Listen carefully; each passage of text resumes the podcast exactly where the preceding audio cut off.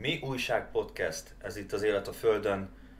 Most egy kicsikét más epizóddal jöttünk, vagy jöttem hozzátok. Amint láthatjátok, egyedül vagyok.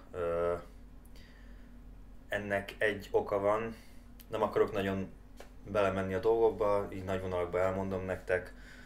Készültünk ezzel az epizóddal, hogy beszélünk Japán életvitelről, nem nagyon teljesen a kultúráról, inkább a szokásokról, meg egy nagyon picit Koreáról.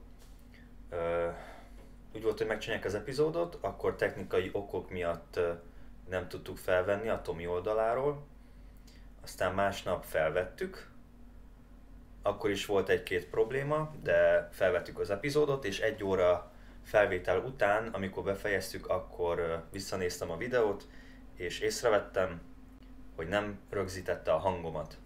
Ennek egy oka volt, hogy előtte való nap frissítettem a programot, amivel szoktuk felvenni az epizódokat. Szóval ez teljesen az én hibám volt, mert nem néztem utána. Na de mindegy, szerintem vágjunk is bele, kezdjük el az epizódot, nem? Na, szóval Japán és Korea, inkább Japánról fogunk beszélgetni, vagy fogok beszélgetni. Egy-két fact jöttem érdekességgel, így kezdésnek.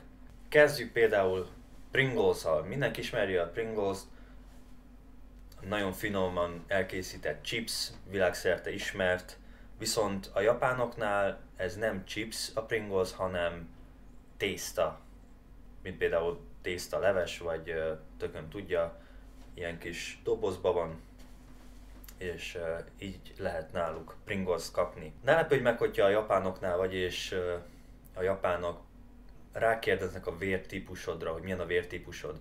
Ez azért van, mert ők úgy hiszik, hogy a vértípusod elárulja, hogy milyen a személyiséged, milyen ember vagy. És ezek alapján keresnek maguknak párokat, vagy étkeznek, Szóval ne lepődjetek meg, hogyha csak tök random oda megy hozzád valaki az utcán és megkérdezi, hogy mi a vértípusod. Van egy dolog, ami nagyon érdekes számomra, és szerintem számotokra is az lesz, például a majonéz. A majonéz náluk azt ők nem szendvicsbe rakják, hanem fagyira. Jól hallod, fagyira, vagy pedig penkékre, tudod, az amerikai uh, palacsintára. Ez, hát így belegondolva, tudod, amikor rágondolsz a, a, mi az majonézre, akkor rögtön a szádba érzed az ízét. Ha rágondolsz a fagyira, ugyanezt történik. És ezt a kettő ízt én valahogy nem tudom az agyamba összerakni.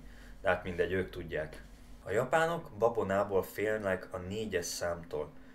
A négyes szám nem jelenik meg náluk például a liftben, mint emelet, vagy hogyha étterembe mész, akkor úgy terítik meg neked az asztalt, hogy például a negyedik evőeszközt nem rakják le, ha például az mondjuk egy kis villa lenne, vagy kis kanál, nem tudom, akkor ők azt nem rakják föl az asztalodra, vagy hogyha szeretnél foglalást csinálni egy étterembe, például négy személyre, nagyon sok helyen meg se engedik. Másik érdekesség, ilyen, hogy nyilvános fürdőbe, hogyha van tetoválásod, többnyire nem fognak beengedni, mivel úgy gondolják, hogy a tetoválás elcsúfítja a testet, plusz összekötésbe hozzák a jakuzákkal, vagy az ilyen gangster emberekkel, szóval nyilvános fürdőkbe nem biztos, hogy be fognak engedni, hogyha tetoválásod van. De aztán meg ki tudja, lehet, hogy mostanság változik a dolog, mivel uh, turizmus, és ugye szeretnék a pénzt beszedni innen-onnan, úgyhogy lehetséges, hogy be fognak engedni. Van egy olyan város, ami úgy hívnak, hogy Baba város. Ebbe a Baba városba régen élt körülbelül 300 ember. Ma kevesebben, mint 40-en vannak, viszont van egy, van egy hölgy, Cakomi Iano, vagy nem tudom, hogy kell kimondani a nevét, próbálkozok. Csinál ilyen embernagyságú babákat, gyereket, felnőttet, és több mint 300-at csinált már, és ezeket így városszerte szétszórta mindenhol. Például van egy iskola, ami már nem üzemel, de ezt az iskolát ő telerakta az ő gyerek babáival, és ott ülnek a mai nap is. Van egy nagyon jó dolog, amit a japánok kitaláltak. Például a mosdót fogták, és a WC mellé rakták közvetlenül. Ez azért jó, hogyha befejezted a WC-zést, kezet mosol, és az a víz, amivel te kezet mostál, rögtön belemegy a WC tartályba, és azzal le tudod húzni a WC-t, miután végeztél.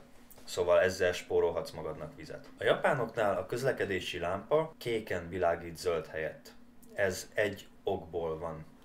A kék és a zöld a japánoknál ugyanaz a szó.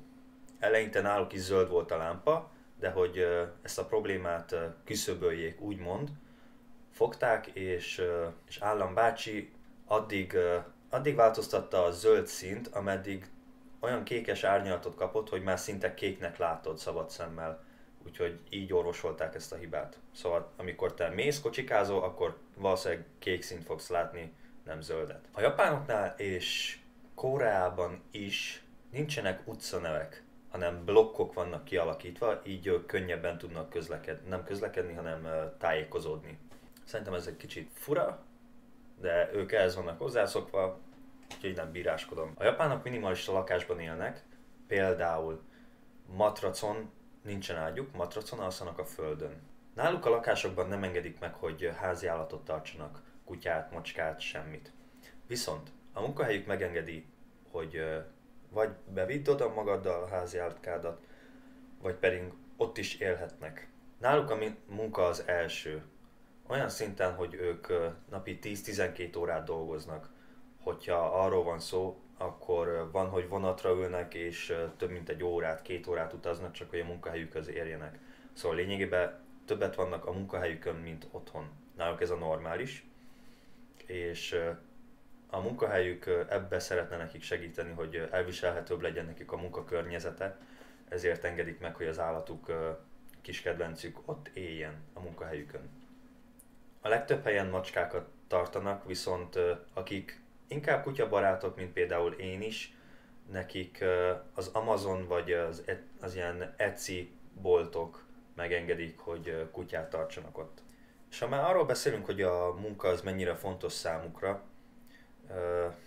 szeretném azt is megemlíteni, hogy ha, ha látsz embereket elaludni például vonaton, vagy akárhol, ott náluk ez természetes dolog, mert ezzel, ezzel mutatod környezetednek, hogy te igenis dolgozol, igenis megteszel mindent azért, hogy a családodat eltartsad.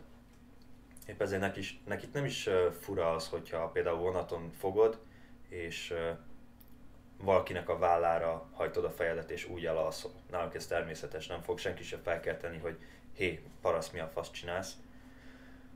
Úgyhogy igen, vannak olyan emberek, akik például ezt kamuból csinálják. szóval ez náluk igenis nagy dolog, hogy dolgozzál minél többet, amennyit csak lehet. Épp ezért ez az iszony, iszonyatos munkamorál, ez azért meg, megmutatkozik abban, hogy milyen fejlett ország, hogy milyen technikai kütyűik vannak, az autóipar mindenben meg, megmutatkozik. Viszont nem csodálnám, sőt nem is csodálom, hogy emberek nem bírják ezt se fizikailag, se mentálisan, mivel biztos ismeri mindenki, de van, van az öngyilkos erdő, és oda járnak az emberek megölni saját magukat. Többnyire ezek fiatal gyerekek, hát fiatal ilyen gimnazisták. Náluk az iskolában nagyon elterjedt ez a egymás baszogatjuk, meg noszogatjuk, és ez odáig fajul, hogy fiatal gyerekek fogják, és elmennek ebbe az erdőbe véget vetni életüknek. Rengetegen mennek oda, és hátrahagynak üzeneteket, hogy nincs semmi boldogság az életemben, ezért véget vetek neki.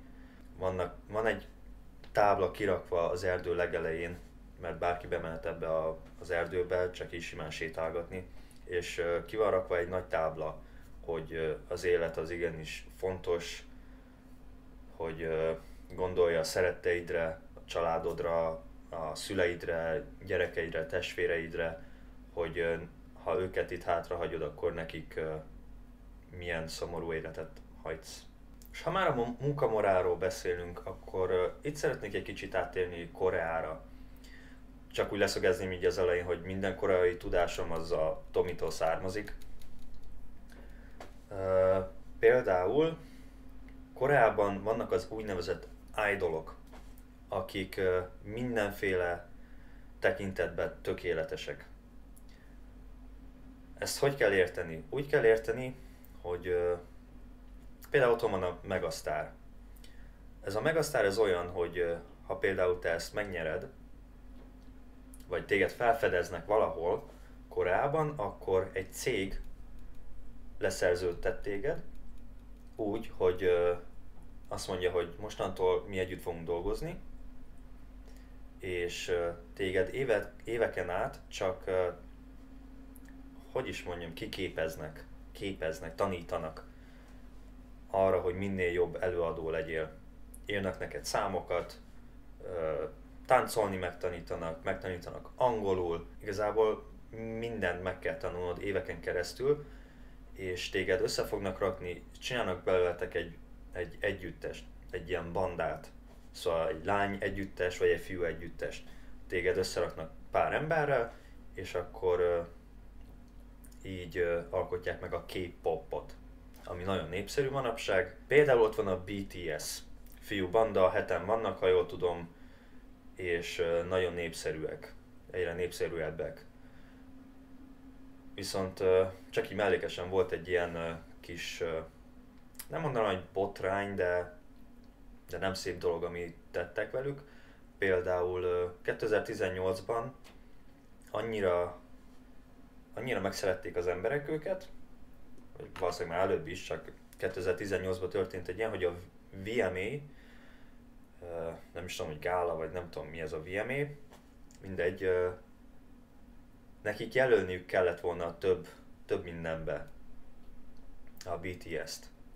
Nem is tudom, legjobb uh, fiúbanda, vagy uh, legjobb uh, videó. Azt hiszem több, több mindenbe is jelölniük kellett volna, mivel a számok azt mutatták, hogy nagyon népszerűek és hogy uh, van esélyük nyerni, de valamiért nem, nem rakták föl, mert uh, sok ember nem szereti ezt a K-popot és elítélik valamilyen szinten.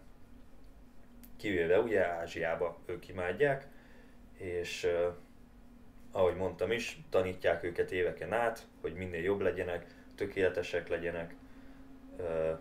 Még plastikai műtétet is csinálnak rajtuk, az összesen, hogy ideálok legyenek, ugyebár a hétköznapi ember számára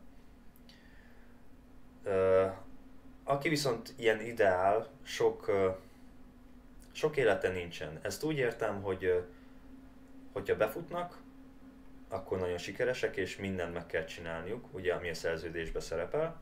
Hogyha koncert van, és te mondjuk beteg vagy lázas vagy, ugyanúgy fel kell lépned, mivel a szerződésben az szerepel, hogy neked fel kell lépned mindenhol. Volt elvileg olyan, a Tomi mesélte, hogy a lánynak el volt törve a lába vagy valami, és ott ült a színpadon, miközben a többi az együttesből ott körülte táncolt, meg énekeltek. Szóval nehéz, nehéz. Még erre sok mindent nem tudok mondani, mert az ilyen ember, aki erre vágyik, nyilván aki korábban él, ő tudja, hogy mivel jár ez a dolog, de mégis szeretne részese lenni, úgyhogy nagyon sajnálni nem tudom, ez én vagyok személy szerint, de hát ők tudják, hogy mi a fontos nekik az életben. Több minden nem is nagyon tudok nektek mondani így a dolgokról. Szerintem egyedül nehéz is erről úgymond beszélgetni, társalogni. Csak nektek elmondtam pár fun factet, egy-két érdekességet, remélem tetszett nektek, remélhetőleg jövő héten már Tomival leszünk, sőt valószínű. Ha tetszett nektek, nyomjatok egy lájkot, hogyha még szeretnétek erről hallgatni, mondjuk Tomival, akkor írjátok meg kommentbe, és akkor csinálunk még egy ilyen japán-koreai epizódot. Addig is vigyázzatok magatokra, jók legyetek, sziasztok!